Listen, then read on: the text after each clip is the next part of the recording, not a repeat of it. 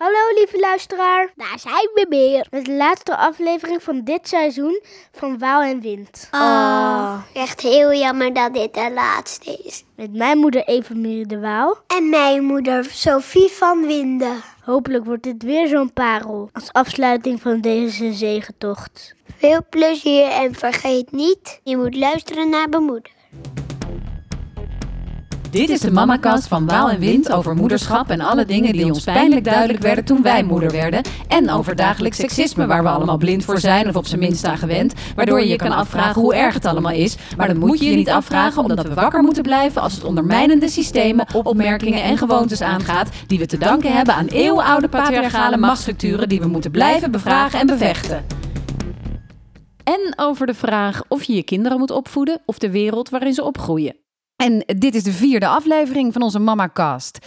Die heet Podium of Politiek. Waarin wij ons buigen over de vraag of je je persoonlijke leven, dus alles wat je meemaakt, mee het podium op moet nemen of de politiek in.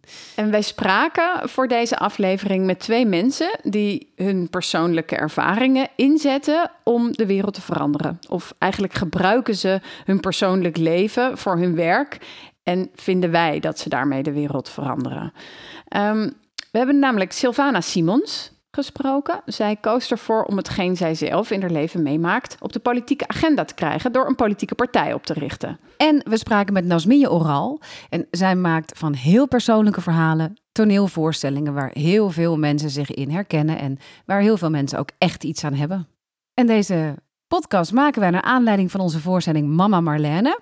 Waarin twee actrices auditie doen voor de rol van hun leven, namelijk die van Marlene Dietrich of, haar, dochter. Ja, en eigenlijk staan die actrices al meteen aan het begin van die auditiedag die zij daar eh, meemaken voor het dilemma: gaan we hiermee door?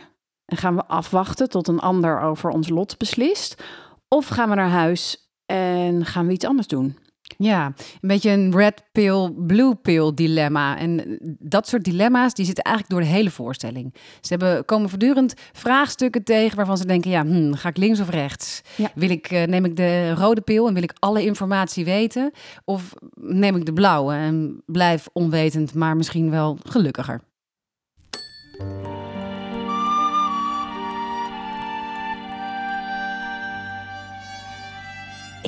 Het wel steeds vaker. Wat? Dat je iets anders moet gaan doen? Ik ook. Echt? Waarom? Waarom jij? Nou, soms denk ik, moet ik niet alsnog mensenrechtenactivist worden of zoiets? Oh ja? Lijkt dat je aantrekkelijk? Ja, tot die auditie weer langskomt van iets wat ik echt graag wil en de misschien weer gaat leven. Met je meedans. Dagen, weken lang. Tot de misschien op de donderdagochtend net na de koffie, als de dag nog moest beginnen, in een nee verandert. En alles verandert naar terug bij af. Of alles verandert. En de paniek van de verantwoordelijkheid slaat toe. Want dan moet je het dus gaan doen, hè? Marlene Dietrich spelen. En dan weet je zeker dat de hele wereld daar iets van gaat vinden. Ja, maar dat doen ze toch wel. Ja, maar dan echt. Maar jij kreeg toch laatst een prijs? Ja? Maar dat is toch ook bevestiging, of niet genoeg? Dat is wel een mooie ingang voor je auditie straks. Dat het nooit genoeg is? Ja. Denk jij dat het nooit genoeg was voor Marlene? Zeker, ik denk dat ze nooit genoeg had. Ze was nooit tevreden en ze had nooit genoeg. En ze hoefde waarschijnlijk nooit auditie te doen. Waarschijnlijk niet, nee. Zou zij de rode of de blauwe pil genomen hebben? Mm, de blauwe engel die was toch sowieso voor de blauwe pil gegaan? Nee, toch? Jawel, naar huis in de volle overtuiging dat zij de rol had. Ze was lui, ze was perfectionistisch, maar ze was lui. Nee, man. Ze had de rode genomen en iedereen van zijn stoel geblazen met de auditie. Uit pure rancune dat ze het in hun hoofd gehaald hadden en Dietrich te vragen te auditeren. Nou, we zullen zien welke interpretatie aanslaat. Maar jij kwam toch voor de rol van die dochter? Nee, allebei voor allebei.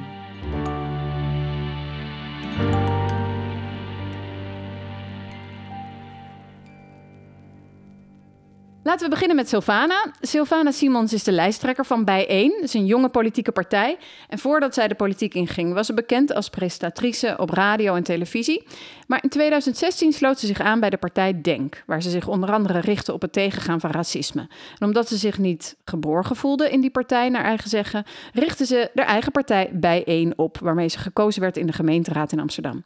Begin dit jaar maakte ze kenbaar dat ze zich verkiesbaar stelt voor Bijeen bij de Tweede Kamerverkiezingen in maart maart aanstaande.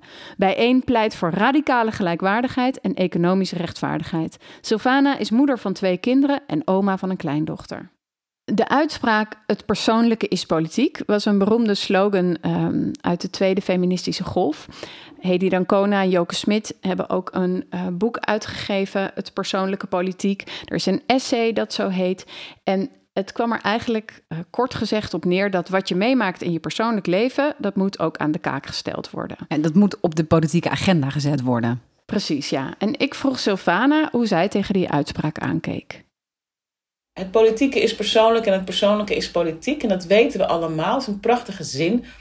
Maar ik denk dat heel veel mensen toch vergeten hoe politiek ingrijpt op ons dagelijks leven. Van waar je kunt wonen, tot wat je kunt eten, tot hoe je eten uh, tot stand is gekomen. Uh, het gaat over hè, waar kun je naar school, waar, waar zijn, worden voorzieningen gebouwd, waar niet. Um, en ik hoop dat, dat ik dat meer nog dan, dan, dan al het andere dat ik politiek bereik, uh, dat, ik dat, dat ik die boodschap vooral mag overdragen. Het gaat ook over jou, het gaat ook over mij en wij hebben ook het recht zo niet de plicht, ons daartegen aan te ja. bemoeien. Ja. De keuzes die wij maken, elke dag, dan moet ik zeggen, die volgen op keuzes die voor ons gemaakt zijn.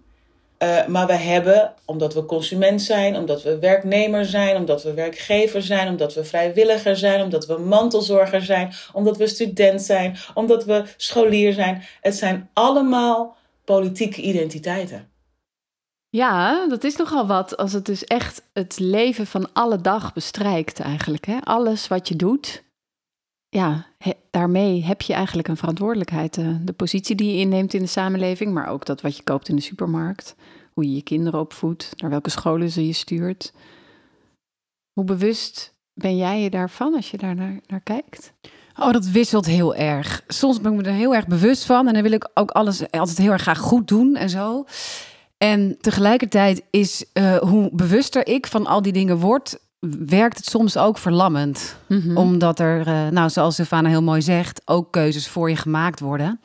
Ik denk dan wel, ja, ik wil mijn af, afval scheiden en ik wil geen vlees eten en ik wil uh, nou, van alles. En tegelijkertijd uh, ja, dwingt het leven soms ook iets anders uh, van je af. Of ja, het systeem waar we in leven. En wat ik er ook ingewikkeld aan vind, is dat het ook op een bepaalde manier als een privilege voelt om over al die dingen na te kunnen denken. Omdat het ook zo vaak sociaal-economische factoren kent. Ja, precies. Ja, dat je wel, je, je wil wel bijvoorbeeld alleen maar biologische producten, maar die zijn dan drie keer zo duur. Dus het is soms ook ja, als je niet weet hoe je de, de losse eindjes aan elkaar moet binden, dan is het best moeilijk om ook nog met alle andere dingen bezig te zijn, natuurlijk. Ja. Ik probeer op die verlammende momenten ook altijd te denken: oké, okay, wat kan er wel ja. binnen, binnen mijn eigen levenssfeer of zo? Ja, en het is ook wel heel fijn dat als je denkt: oké, okay, we hebben heel veel informatie om bewuste keuzes te maken.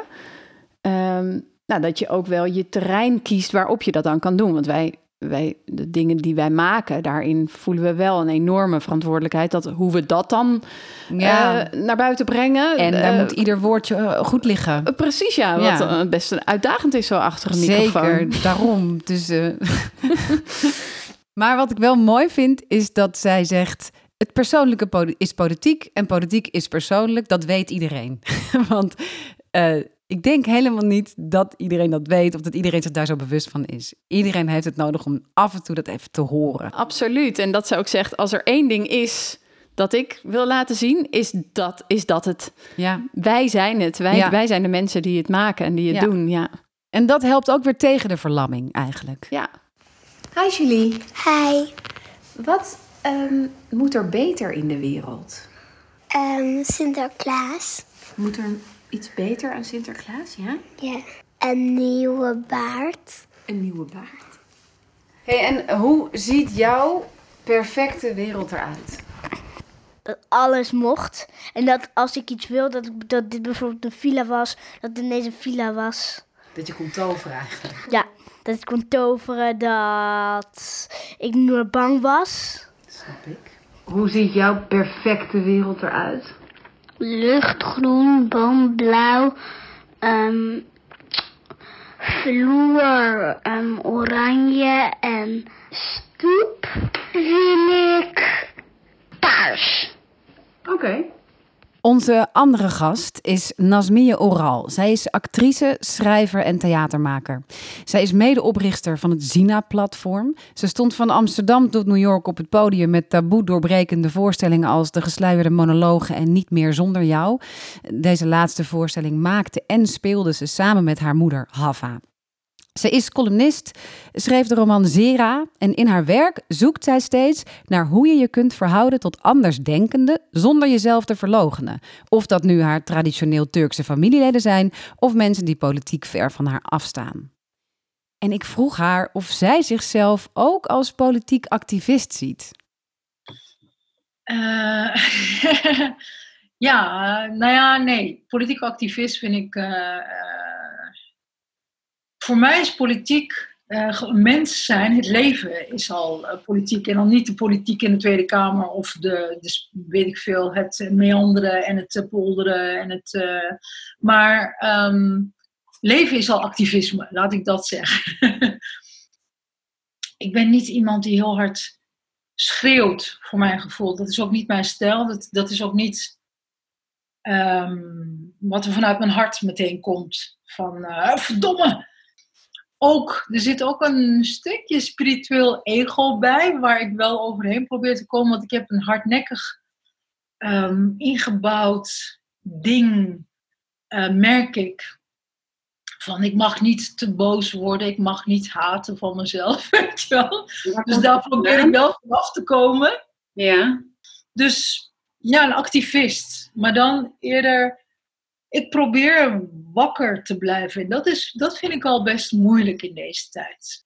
En ik probeer te voeden waar ik in geloof. Meer daarvan te maken in plaats van tegen dat te zijn waar ik op tegen ben. eh, probeer ik eerder dan te creëren of stem te geven of gewicht te geven naar eh, van de dingen waar ik dan wel in geloof bij politiek activisme, ik vind dat eigenlijk een geuzennaam. Hè, wij hebben het hier goed. We worden alleen uitgescholden, eventueel, Ja. op Twitter. Ja. Eh, maar er zijn heel veel landen waar je bedreigd wordt, of nou, hier ook trouwens. Maar eh, andere landen waar je echt gewoon in de gevangenis kan komen en waar je het met je leven moet bekopen. Mhm. Daar is politiek activist zijn een different cookie. Nou, dat is natuurlijk heel erg waar. Dat als je zegt, ik ben politiek activist in Nederland, dat dat wel even een different cookie is dan in heel veel andere landen waar je dat soms met je leven moet bekopen. Zeker. En tegelijkertijd is het ook als je bijvoorbeeld naar onze andere gast eh, kijkt, wat die voor shit soms over zich heen Is krijgt. het ook niet gering natuurlijk. Zeker niet. Nee. Nee. En is het En- wel zo dat doordat dat gebeurt, het activisme eigenlijk zo hard nodig is. En eh, ook heel veel mensen ervoor kiezen om dat dan toch maar niet te doen. Precies. Omdat je denkt, het voelt toch heel bedreigend. En eh, mensen weten waar mijn kinderen naar school gaan of eh, weet ik veel. Ja, ook dat. Nou, dat spiritueel super-ego, dat vond ik ook wel, wel interessant. Want Ja. wat ze eigenlijk zegt is, om activist te zijn, moet je heel erg uitspreken. En ehm, ik heb me lange tijd verzet tegen, tegen de boze vrouw zijn. Nou, dat kennen veel vrouwen, denk ik. Mhm. Dat is toch een beetje eh, een taboe of zo. Ja, ja, ja. En, ehm, en wat ze ook zegt, is, is ik heb lange tijd eigenlijk, wanneer ik conflict voel, niet me willen uitspreken met degene met wie ik het conflict heb, maar steeds gedacht, ik ga het in mezelf oplossen. Ja. Ik hou mijn mond. En eh, dat is eigenlijk een soort manier van leven waarin je je niet uitspreekt. Nee, precies. Waarin het is eigenlijk dat je dus kiest voor de, de praktijkkamer van een therapeut of voor je, voor je eigen binnenkamer, in plaats van dat je het gesprek echt aangaat. Dat is dus eigenlijk heel lang de manier geweest waarop zij zich staande heeft gehouden in het leven. eigenlijk, dat wist ik toen niet, omdat ik gewoon van pijn af wilde, ehm, heb ik heel veel eh, gezocht naar verlichting of eh, meditaties gedaan, eh, allemaal dat soort dingen, zelfhelingsdingen.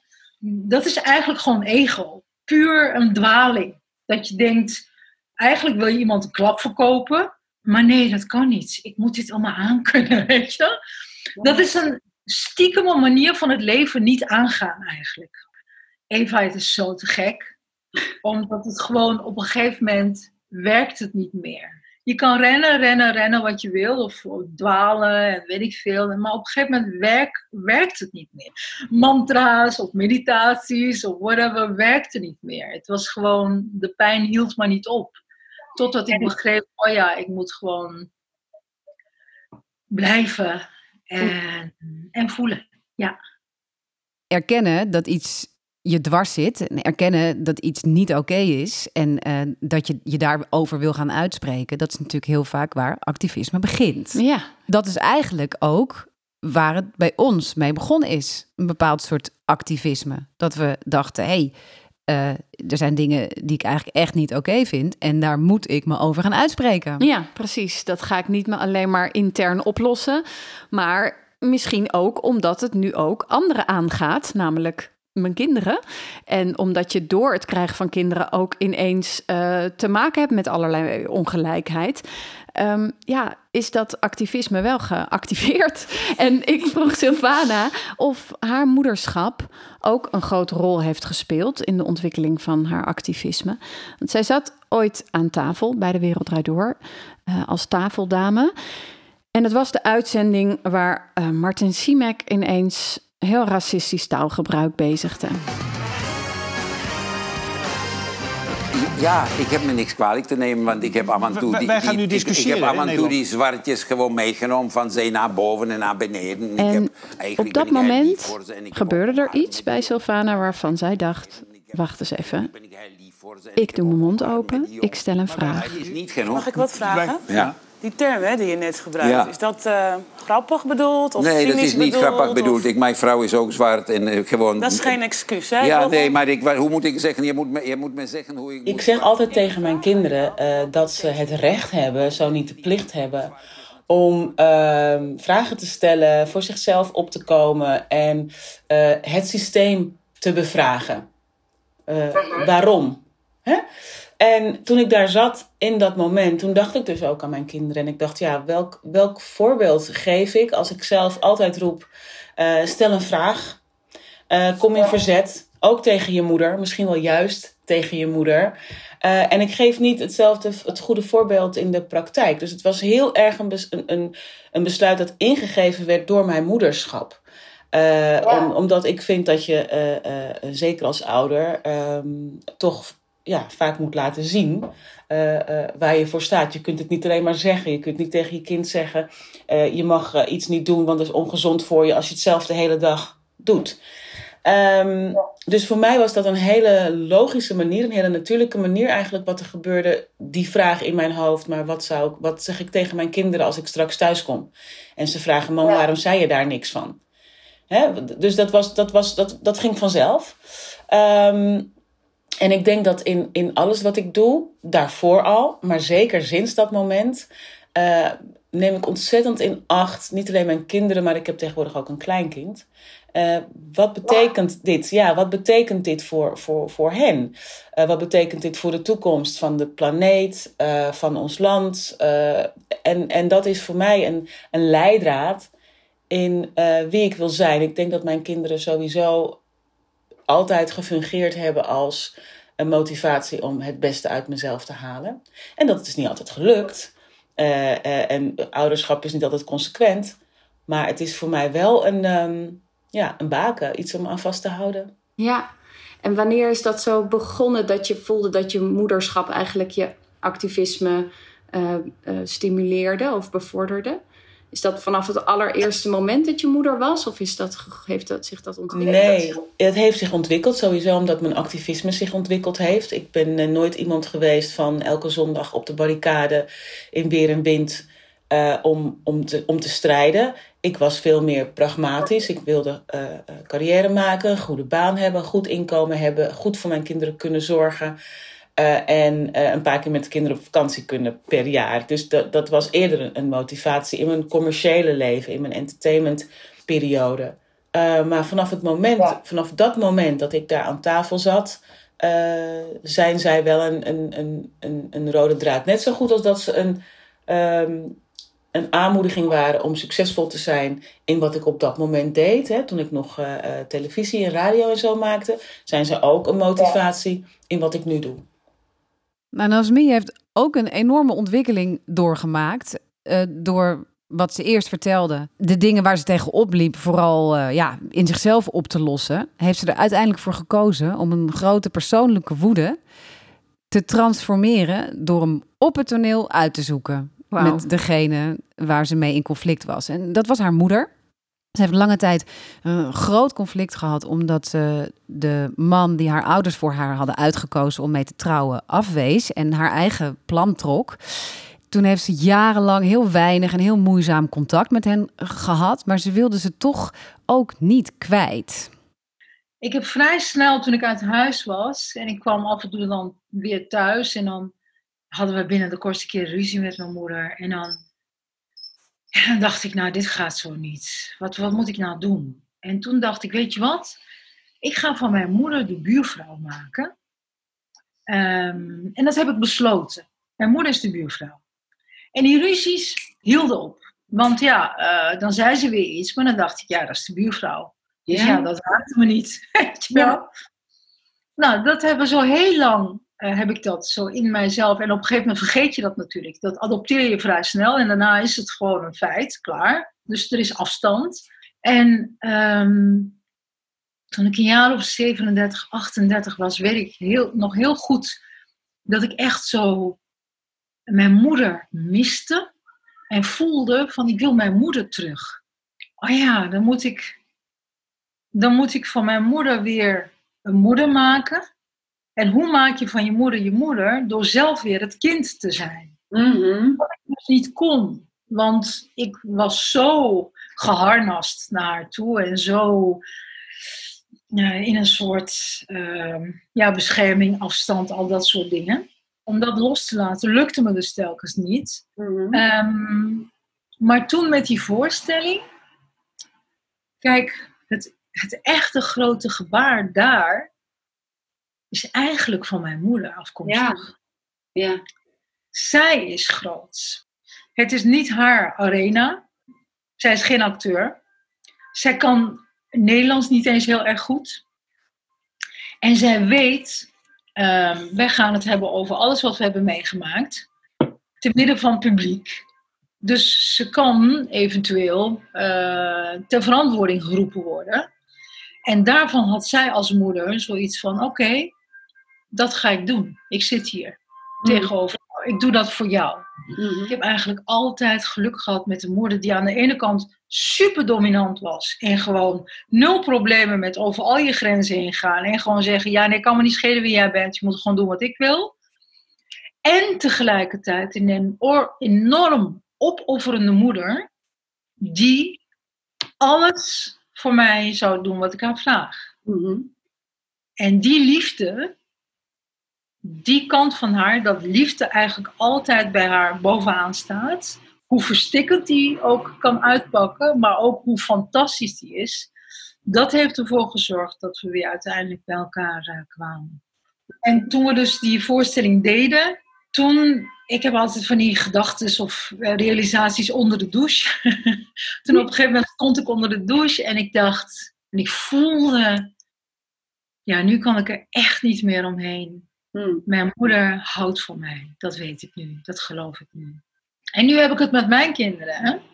Ik heb twee dochters. Ja. Van, uh, ja, van 20 en 24. En nu zit ik in de rol van moeder met dochters die, uh, die tegen mij zeggen van nou, dit en dat heb je niet goed gedaan. En je bent, was heel vaak weg. En je hebt je carrière vooropgesteld. En, uh, maar ik realiseer me nu hoeveel, hoe lang het heeft gekost bij mij. En dat ik als moeder, dat het mijn taak is om onvoorwaardelijk beschikbaar te zijn. En uh, ja, te wachten. Dus nu, nu leef ik de andere kant. ja. Ik vind het wel uh, mooi wat ze hier beschrijft. Want het is dus echt een heel groot conflict geweest mm-hmm. met je eigen ouders. Heel erg lang, heel moeilijk. En uiteindelijk besluit je om je moeder uit te nodigen bij jou op het toneel te komen staan. om het gesprek daar, en plein publiek, te gaan voeren. En Ja. niet één keer, maar gewoon een hele tournee lang. Ja. En het was zo'n interessante voorstelling voor mensen... dat je er ook nog eens een keer de hele wereld mee overgaat. Precies, ja. Met ga haar zus aanstaan. als tourmanager. Wauw. Ja. dus die mocht Want je zit ook ineens op een internationale tournee met je moeder. Ja, ja, ja. Ja, dus toen ging de therapie nog verder Ja, het is ook nog de hotelkamer, de vliegtuigen. En, eh, Absoluut. ja, Wauw. Ja, het is wel. Ik kan me voorstellen dat je dat als je samen dat conflict zo in front of the audience, dus ook voor andere mensen, ook andere mensen daar nog iets mee wil geven en, en het samen oplost, dat je er inderdaad niet omheen kan dat de moeder van haar houdt. Ja. Ja, en waar Nasmia toen achtergekomen is, is dat eh, deze problematiek die met uithuwelijking te maken heeft, hier in Nederland eigenlijk veel minder bekend is, maar dat het eigenlijk het conflict met je ouders en het gesprek aangaan met je ouders over dingen die je eh, ja, niet met hen deelt of waar je het niet mee eens bent of waar je last van hebt die gebeurd zijn in je jeugd, dat dat dus heel universeel is. Ja. En dat dat dus ook de reactie van het publiek was. En dat ze ja, eigenlijk bijna een soort methode heeft ontwikkeld om het gesprek aan te gaan met je ouders. Het enige wat ik eigenlijk alleen maar zou willen uitschreeuwen naar de wereld, naar iedereen toe, is: je bent niet alleen. Je hoeft van niemand afscheid te nemen of zoiets als je dat niet wil. Je kunt allebei totaal iets anders willen, voelen, denken en nog samen zijn. En ehm, je, kan, je kan die connectie aangaan. Je kan getuigenis doen van elkaar en daarin elkaar vinden. Er zijn alleen een aantal regels. Je moet, je moet het gesprek aan willen gaan. Dat lijkt eh, evident, maar het is niet zo evident. We denken dat we het gesprek aan willen gaan, maar dat houdt in dat je, dat je ook echt open moet staan. Je moet bereid zijn om te blijven. Dus fysiek blijven, maar ook mentaal, emotioneel blijven staan. Ehm, niet naar een oplossing zoeken. Dat is ook, hè, iedereen zegt dan, oh, nu je met je moeder hebt gepraat, zijn dan alle problemen weg. Nee. Of is je moeder nu veranderd? Totaal niet. Ze denkt nog steeds hetzelfde. Want het ging er nooit om dat zij van het ene kant naar het andere moest overreden moest worden of zo. Of dat ik haar moest overhalen. Of dat zij mij moest overhalen. En stel je nou eens voor dat jij met je partner, of met je kind, of met je moeder, vader, buurman eh, een gesprek hebt. En het is best pittig, maar je, je focus is niet een uitkomst, is niet je gelijk krijgen. Maar gewoon dat je de ander echt wil horen. En het mag nog steeds daarna zijn, ja, ik mag je nog steeds niet. Nou, prima. Maar, maar dan heb ik, jou, heb, ik, heb ik jou mogen zien en jij hebt mij mogen zien. En wat er dan gebeurt, mijn ervaring is, hoe verschrikkelijk iemand ook was, als ik het gevoel heb dat ik iemand zie, dan komt er bij mij in ieder geval altijd eh, een gevoel van liefde bij. Het is namelijk heel intiem. Ik, kan, ik hoef het er niet mee eens te zijn, maar ik kan nooit meer aan jou voorbij gaan of zo. En mijns inziens kan je dit, eh, deze vorm, deze mal van het gesprek, kan je van bedrijf naar bedrijf, van natie naar natie, je kan het, je kan het overal toepassen. Maar dat kwetsbaar zijn, dat heb ik moeten leren en ik wist, ik wist niet wat dat inhield. Tot ik begreep dat het letterlijk je gevoelens zeggen betekent. En maar doorademen en doorpraten. Dus het betekent ook, ik raak nu een beetje in de war. Ik word nu ook heel boos. Ik weet niet waarom. Ik, voel je alsjeblieft niet aangevallen. Ik ben hier nog. Maar eh, vertel maar. Eh, maar dan weet je dat ik zo erbij zit. Weet je wel zo?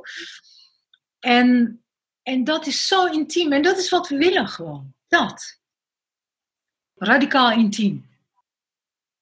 Radicaal intiem. Wauw.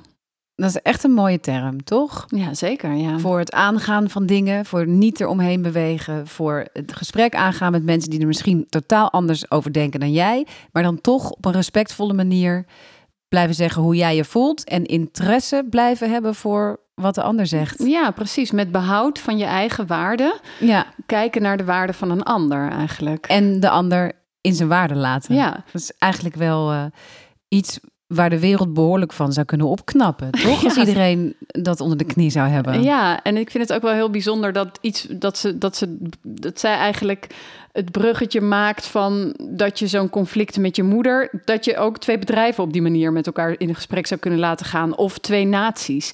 En um, ja, ik vind het ook wel bijzonder dat een van de speerpunten van bijeen is radicale gelijkwaardigheid. En ik Oh, denk ja? dat dat best wel veel met elkaar ehm, eh, ja, overlapt. En ehm, ik vroeg Sylvana, van ja, zij had natuurlijk best nog vaker daar aan tafel kunnen gaan zitten bij de Wereld Door of in journalistieke eh, programma's en als ehm, ja, televisiebekendheid haar mening kunnen geven. Maar zij koos er juist voor om eigenlijk met haar standpunten, met hetgeen dat bij haar eh, dat zij nodig vindt om aan de kaak te stellen, om binnen het systeem te treden. En ik vroeg haar hoe zij die ontwikkeling van in de media iets zeggen naar echt een partij oprichten heeft gemaakt. Het was voor een groot deel gewoon ordinaire eh, irritatie. Eh, Er was geen partij waar, waarvan ik dacht, ja, maar als ik echt. Kijk, ik wilde op een gegeven moment, nou, dat moment eh, dat we, waar we het eerder over hadden, dat was, dat was levensveranderend. Voor mij persoonlijk, omdat het de eerste keer was dat ik me aan plein publiek zo, eh, zo uitliet. Maar het was vooral de reactie daarop, de backlash daarop, die mij deed realiseren: oké, Sylvana, ten eerste. Uh, heb je hier iets aangeraakt wat heel diep zit en waar mensen het niet graag over willen hebben, waar het tot nu toe ook te weinig over gaat. En jij kunt dat gesprek uh, uh, aanzwengelen. Je kunt het voeren, je kunt het leiden. Maar er was geen politieke partij in eerste instantie waarvan ik dacht, nou, dat ga ik daar nou eens even doen. En toen, ik, en toen ik bij de partij waar ik me in eerste instantie bij had aangesloten, dat was Denk, een revolutionaire partij die inging tegen de heersende mores toen ik daar uiteindelijk niet um, mijn veiligheid vond en me, me, me, me, mijn thuis vond, toen dacht ik, dan moet ik het maar zelf doen. En dat heb ik vooral gedaan om een platform te geven aan al die mensen die dus denken dat politiek gaat over mannen in blauwe pakken, met af en toe een, een, een vrouw ertussen in een blauwe jurk. Volksvertegenwoordiging moet gaan over gewone mensen, en dat ben ik ook, ook al ben ik bekend voor radio en televisie. Uh, volksvertegenwoordiging moet gaan over de mensen die het. Nou, wij zeggen bij uh, onze partij altijd: niets over mensen zonder mensen. We hebben de activisten die agenderen, uh, die dus wel op de barricade gaan, elke week ergens in Nederland of in, in eigen stad uh, opkomen voor rechten van anderen. We hebben een maatschappelijk middenveld. Uh, dat heel erg haar best doet. We hebben heel veel organisaties die, die stukken en adviezen schrijven. Maar uiteindelijk komt het neer op de politiek om het daadwerkelijk te implementeren, toe te passen um, en daadwerkelijk beleid te veranderen. Dus ja, de meest effectieve plek is toch dat podium. Het is niet het fijnste podium hoor, want ik heb echt uh, veel warmere herinneringen aan een mooie zaal met publiek uh, en uh, applaus. Dat wil ik geloven, ja. maar het is wel het belangrijkste podium. Het is echt de plek waar beslissingen worden genomen, waar beleid wordt gemaakt en waar ook uh, dingen uh, gecorrigeerd moeten worden. Want heel veel mensen denken dat politiek alleen maar gaat over wat ga je bereiken, wat ga je doen, wat ga je in werking zetten. En ik denk dat bijvoorbeeld de aanwezigheid van bijeen er ook is om ervoor te zorgen, wat ga je stoppen? Wanneer ga jij zeggen, oh wacht eens eventjes, dat gaan we zo niet doen. Dus het is, het is, het is, het is geen, um, het is niet per se een hele plezierige omgeving, maar ik denk wel effectief. Dus ja, het moet maar. Ja, het is dus eigenlijk ook een podium, hè? De ja, maar niet het fijnste podium. Nee. Nee, en zij weet inderdaad wel hoe die... Zij heeft die stap gemaakt natuurlijk. Van de ene bühne naar de andere. Ja. En zij is ook dus iemand die haar persoonlijke ervaringen duidelijk gebruikt in datgene wat ze op de politieke agenda wil zetten. Zo heeft ze bijvoorbeeld zich hard gemaakt voor alleenstaande moeders in de gemeente in Amsterdam. Op het moment dat ik zie dat er behoefte is bij alleenstaande moeders, dan begrijp ik die behoefte als geen ander. Want ik weet hoe het is om alleen te zijn, de zorg te hebben voor kleine kinderen. En helemaal uh, verward te raken in het woud van regels en uh, uh, zaken waar je aan moet voldoen. Maar misschien ook wel zaken waar je recht op hebt. En op zo'n moment, als ik, als ik dan met iemand spreek daarover, dan, ja, dan raakt mij dat natuurlijk omdat ik dat zelf ervaar. En hetzelfde geldt voor het agenderen en adresseren van racisme, seksisme. Uh, en dat hangt weer samen met hoe gaan we met onze LGBTQI-gemeenschap uh, uh, om. Dus um, ik denk dat er geen onderwerp is besproken. Ik denk ineens weer aan etnisch profileren bijvoorbeeld in de gemeenteraad. Daar heb ik heel vaak uitgelegd dat ik een zwarte vrouw ben, maar daarmee ook de dochter van een zwarte man. En ik ben het kleine zusje van zeven zwarte mannen. En dat betekent dat ik, als we het over etnisch profileren hebben, heb ik het niet over de theorie. Ik heb het over de praktijk waar ik van jongs af aan mee ben opgegroeid. Ik weet wat het doet. Ik ben ook de moeder van een zwarte man. Dus ik weet hoe het voelt als, mijn kind, als je kind thuis komt en zegt: Ja, ik ben weer aangehouden. Ja, waarom? Ja, ik reed op, op, op een te dure fiets. Ja, en toen vroeg Sylvana mij of ze me een wedervraag mocht stellen. Oh. Ja, uh, omdat, en dat kon ik me ook heel goed voorstellen, als zij zich zo zichtbaar maakt en de positie waar ze zich, waarvanuit ze spreekt, hoe dat eigenlijk bij mij zit en hoe het met mijn blinde vlekken gesteld was, zeker ten aanzien van racisme.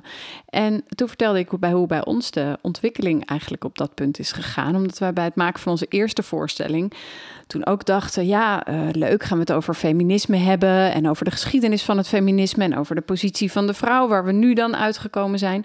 En we hadden een aantal schrijfsters uitgenodigd.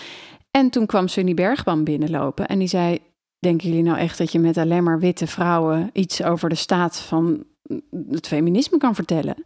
Volgens mij missen jullie hier een ongelooflijk belangrijk uh, aspect. En toen zeiden wij, ja, maar daar willen we het ook over hebben. Ja. En toen zei zij, maar waarom zit er dan niemand aan tafel? Was er geen plek meer? Precies. Denken jullie dat je namens mensen kan spreken? En ja, wij, wij bevonden ons toen echt nog op een heel ander punt dan nu. Omdat we echt dachten, ja, maar natuurlijk, we kunnen toch dingen lezen... en dan kunnen we dat gedachtegoed op het toneel brengen. Maar ja, inmiddels weten we natuurlijk wel dat je beter met mensen kan praten en andere mensen soms over hun uh, problematiek aan het woord kan laten. Ja, en ook je plek afstaan ging het heel erg over. Zeker. Hebben we ook nog even overwogen. Ja, nou ja, en toen hebben we eigenlijk dit dilemma op de vloer gebracht. En um, ik vroeg Sylvana daarnaar in hoe zij daar tegenaan kijkt in dat namens mensen spreken. Ja, nou, ik denk dat je vraag is: in hoeverre is je positionaliteit belangrijk? Wie mag waarover ja. praten? Ik denk dat iedereen over alles mag praten, maar precies zoals ja. jij zegt, met een achtneming van je positie. Uh, ik, ja. heb zelf, ik heb zelf heel veel privileges. Sommige ben ik mee geboren, andere heb ik via mijn ouders meegekregen. Uh, uh, en alweer andere heb ik zelf veroverd of ze zijn me in de schoot geworpen. Um, dat dien ik altijd bij me te dragen op het moment dat ik over anderen spreek en zeker als ik ja. namens anderen mag spreken. Het werkt dus twee kanten op, die verantwoordelijkheid. Nou ja, en over dat of je wel of niet namens mensen iets mag zeggen, daar zijn we tegenwoordig behoorlijk bewust van en ook wel alert op. En ook alert op als we andere mensen dat horen doen. Precies. En een belangrijk voorbeeld daarvan voor ons is wel geweest dat we een recensie hebben gekregen in het NRC, door, geschreven door Ron Rijgaard, die natuurlijk zo negatief mag zijn als hij zelf wil. Maar die ene zin, vrouwen gaan zich door deze voorstelling niet gesterkt voelen, daarvan dachten wij, god, wat bijzonder dat, dat ja. hij dat weet. En Hoe dat vrouwen zich voelen als ze naar buiten lopen. Ja, en alle vrouwen ook. Ja, ja. Dus alle vrouwen die wij al gesproken hadden, of uh, ja, die nog gingen komen, daarvan had hij alvast besloten bepaald... dat ze hier niets aan zouden hebben. Nee. Nee, we waren het er gewoon heel erg mee oneens. Maar daar kan je dan vervolgens niks mee. Want als je iemand daarop aanspreekt, dan ja, uh, lijkt het alsof je beledigd bent ja, over wat hij van je voorstelling vindt. Terwijl Ron Rijgaard mag alles vinden en een rot recensie schrijven, maar niet namens, namens de helft van de wereldbevolking spreken. Had je dan maar gezegd, had je dan maar gezegd, hè? Had je dan maar gezegd, hè? Ja, en dan zijn we bij de rubriek Had je dat maar gezegd aangekomen. En ehm, ja, dat is eigenlijk deze keer eventjes een verhaal uit de oude doos. Toen ik nog lekker meedraaide in het systeem. Ik vloog een week voor de opnames naar Budapest om een rol over te nemen van een actrice die last minute met een burn-out thuis zat. En ik had net een kledingdoorpas gehad waarin ik allerlei eh, kostuum, eh, kostuumdrama's, wilde ik zeggen, aan had getrokken. En toen liep ik zo tegen de producent aan die aan het oreren was op zijn set tegenover een groep journalisten. En ik liep in de val. En in plaats van dat ik welkom werd geheten en dat er werd gezegd van goh, wat fijn dat je er bent en dat je het nog zo kort termijn allemaal je eigen hebt kunnen maken, begon hij over dat het natuurlijk wel waarschijnlijk erg lastig voor me was dat ik die kleding misschien wel allemaal niet paste, omdat ik toch duidelijk wel een maatje meer had dan mijn voorgangster. En toen stamelde ik nog wel iets als over dat gelukkig vroeger vrouwen altijd werden ingesnoerd, dus dat het wel ging, wat naar mijn idee best een cynische opmerking was. Maar hij zei toen, oh, ze heeft ook nog eens een keer geen humor. En die groep journalisten die lachten en die krabbelden wat op hun bloknoot. Had je dat maar gezegd? Ja, lach eens een beetje. Ik eh, vind het geloof ik niet zo grappig. Maar welkom heet op de set van een film over vrouwen die maanden weerstand hebben geboden aan de Spaanse onderdrukkers. Met een opmerking over dat het wel lastig is dat ik geen maatje 34 had. Dat is volgens mij geen grap, maar machtsvertoon. En het zijn precies die kleine zinnetjes, samen met corsetten en een dwingende beeldcultuur, die vrouwen koest en klein moeten houden. En misschien af en toe zelfs een burn-out bezorgen. En dat ik vervolgens ook nog een vraagteken zet bij of het wel klopt dat mijn personage, die durft te spioneren bij de vijand, bevend en bibberend neergezet moest worden, is ook niet zo gezellig. En ik zie je denken en fluisteren aan nee toch? Nou hebben we per ongeluk een feminist aan boord van onze film over een vrouwenleger. En je blaast jezelf nog even op als ik met jou en een van je vriendjes in de lift sta en je staat te pochen over wat je allemaal met het barmeisje gaat doen. Zit dan gezegd? Dankjewel. Ik geloof niet meer in sprookjes. Je hebt me uit die waan geholpen. Je hebt mij wakker geschud. Hollywood is ook niet meer de heilige graal. Ook als we in films spelen, moeten we zelf blijven nadenken en onze stem leren gebruiken. Want als we de verhalen blijven vertellen op een manier zoals dat al honderden jaren gebeurt, blijft de wereld keurig ongelijk verdeeld. Sprookjes bestaan niet. Want als ze wel bestonden, dan was deze kikker toch al lang in een prins veranderd. Of ben je misschien al heel lang niet meer gekust? Had je dat maar gezegd, hè? Oh ja. Had je dat maar gezegd, hè? Nou ja, als er iemand is die inmiddels uh, ervaring heeft met het omgaan met moeilijke journalisten, ofwel door racisme of door ondermijning of door seksisme, dan is het natuurlijk Sylvana. En um, ik vroeg haar hoe zij dat deed. Ik kan natuurlijk, omdat ik zelf vraaggesprekken heb gedaan en geleid, hoor ik ook wat er niet gezegd wordt, niet gevraagd wordt en wat er straks gevraagd gaat worden. Uh, dus ik ben daar natuurlijk wel een beetje in getraind vanuit mijn mediaervaring. Ik merk dat ik in de eerste 40 jaar van mijn leven zoveel niet gezegd heb. Zoveel binnengehouden heb, geïnternaliseerd heb, bij mezelf heb gehouden, uh, uh. Ah, nou ja, zo, zijn ze nou eenmaal. Um, en ik merk dat ik dat steeds minder doe. En ik merk ook dat ik dat heel fijn vind. En maar dat het ook effectief is. Het is effectief om te zeggen: Goh, die opmerking. Kijk, en zo begon natuurlijk dit hele verhaal voor mij. Ik vroeg aan Simek: waarom dat woord? Meer niet. Mhm. En dit is wat er allemaal van gekomen is. Ja, dat niet meer binnenhouden. Ja, het, het komt ook wel weer overeen met wat Nasmie vertelt, maar dan op een andere manier. Hè? En het komt ook overeen met de twee actrices in de voorstelling. Ja, misschien zelfs wel met ons. Misschien zelfs hebben die ook wel iets met ons te maken, ja, die twee actrices. Maar hun conclusie is ook eigenlijk uiteindelijk: wat doen we hier? Ja. Wat moeten we hier? We gaan weg. We gaan het ons niet meer allemaal laten welgevallen. En we gaan niet meer wachten tot ons andere... eigen plan trekken. Precies.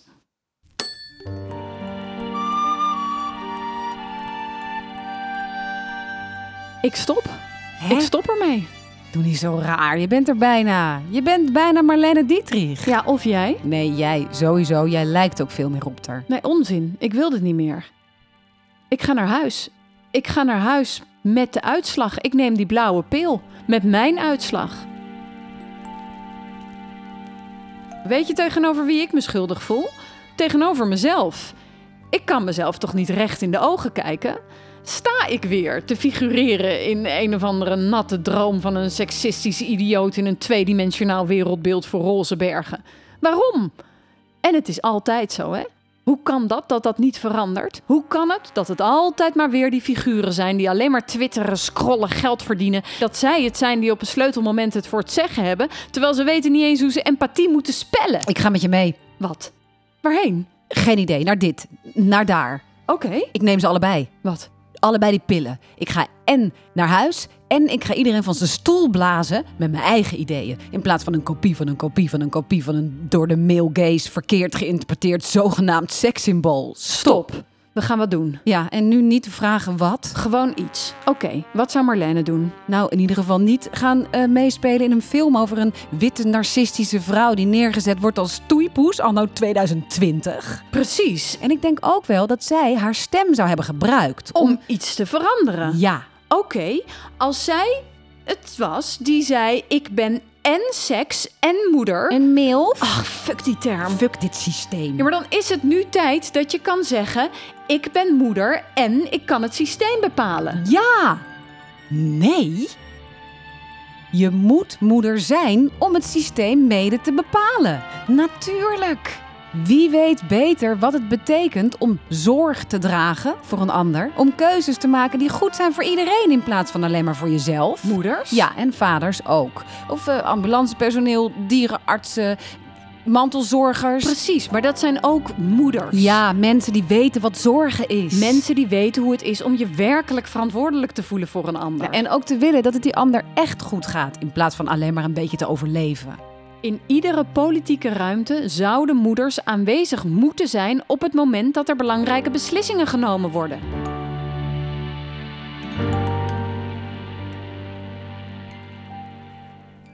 Ja, dat is de conclusie van de twee actrices in onze voorstelling. Ja, en ik vroeg Sylvana wat uh, zij vond van de stelling: in iedere politieke ruimte zouden moeders aanwezig moeten zijn bij het nemen van belangrijke beslissingen.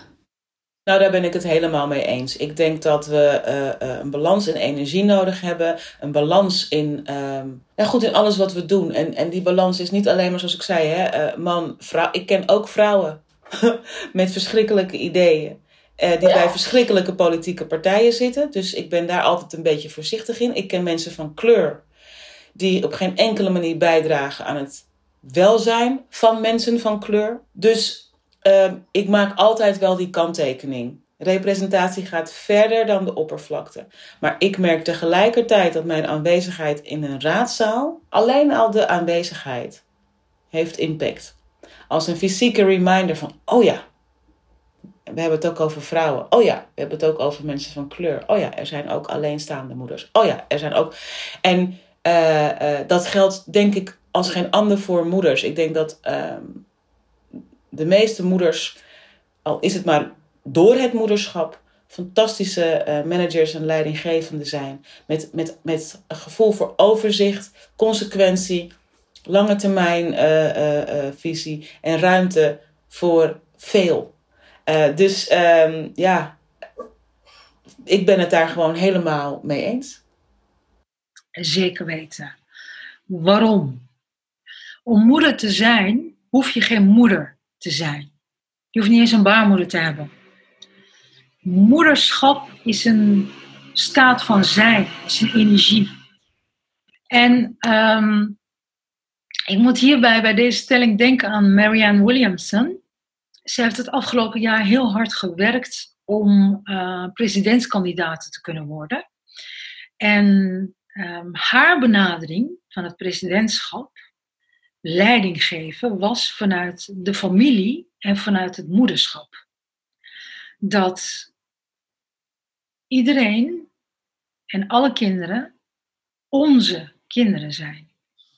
Dat die ons allemaal aangaan. Dan neem je hele andere beslissingen, want je verantwoordelijkheid is heel anders. Je moet duurzaam denken. En je moet je verplaatsen tot de ander. En je moet holistisch denken.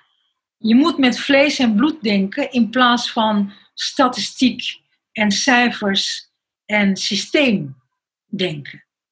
Ja, dus empathisch, in staat zijn om te zorgen, om te delen, ruimte te hebben voor veel, overzicht kunnen houden. Het zijn best fijne eigenschappen die je met het moederschap cadeau krijgt. Hè? Zeker. Dat moederen, dat is een werkwoord. Wat iedereen kan. Zeker. Moeders in de ook overdrachtelijke zin van in het de woord. breedste zin van het Ja. woord. Dus alle mensen die zorgen. En daarmee zijn we aan het einde gekomen van deze vierde, tevens laatste aflevering van onze Mamakast. Voorlopig, hè? Voorlopig dan. En ja, de actrices in de voorstelling, die besluiten om in ieder geval het toneelsysteem te verlaten. Zij denken, ik ga hier weg, ik ga wat anders doen. Ja, wat eh, kan je allemaal doen Ja. om de wereld mooier te maken? Ja, je kan dus kunst maken, je kan de politiek in, je kan in een busje gaan wonen. En je onttrekken aan het systeem. Je kan eh, geen vlees meer eten, afval scheiden, in een vluchtelingenkamp gaan werken. Je kinderen opvoeden tot eh, bravere burgers dan je zelf bent. Of je kunt een lobbygroep oprichten om de politiek mee te bestoken.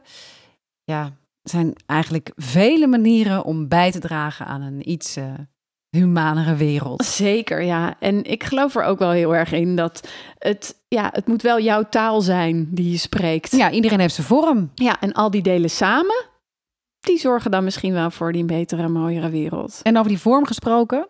eh, Mama Marlene was de, het tweede deel in een drieluik. Onze eerste voorstelling was Holy F. Toen kwam Mama Marlene. En het derde deel van dit drieluik zal ergens in 2023 het levenslicht zien. Hou het in de gaten. Waal en Wind. Nummer drie. We hebben er nog geen titel voor. Dag.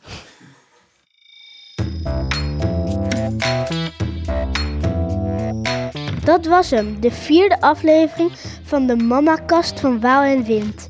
Van Eve-Marie de Waal en Sophie van Winden en Rudolfi Producties.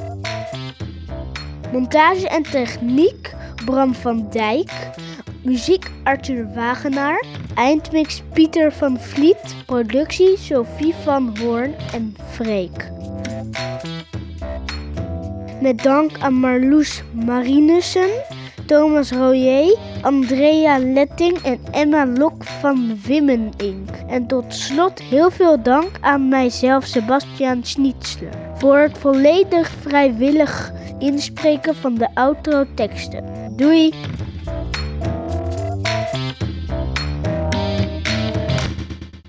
Wat vind jij dat er eh, veranderd moet worden op de wereld? Alles! Alles?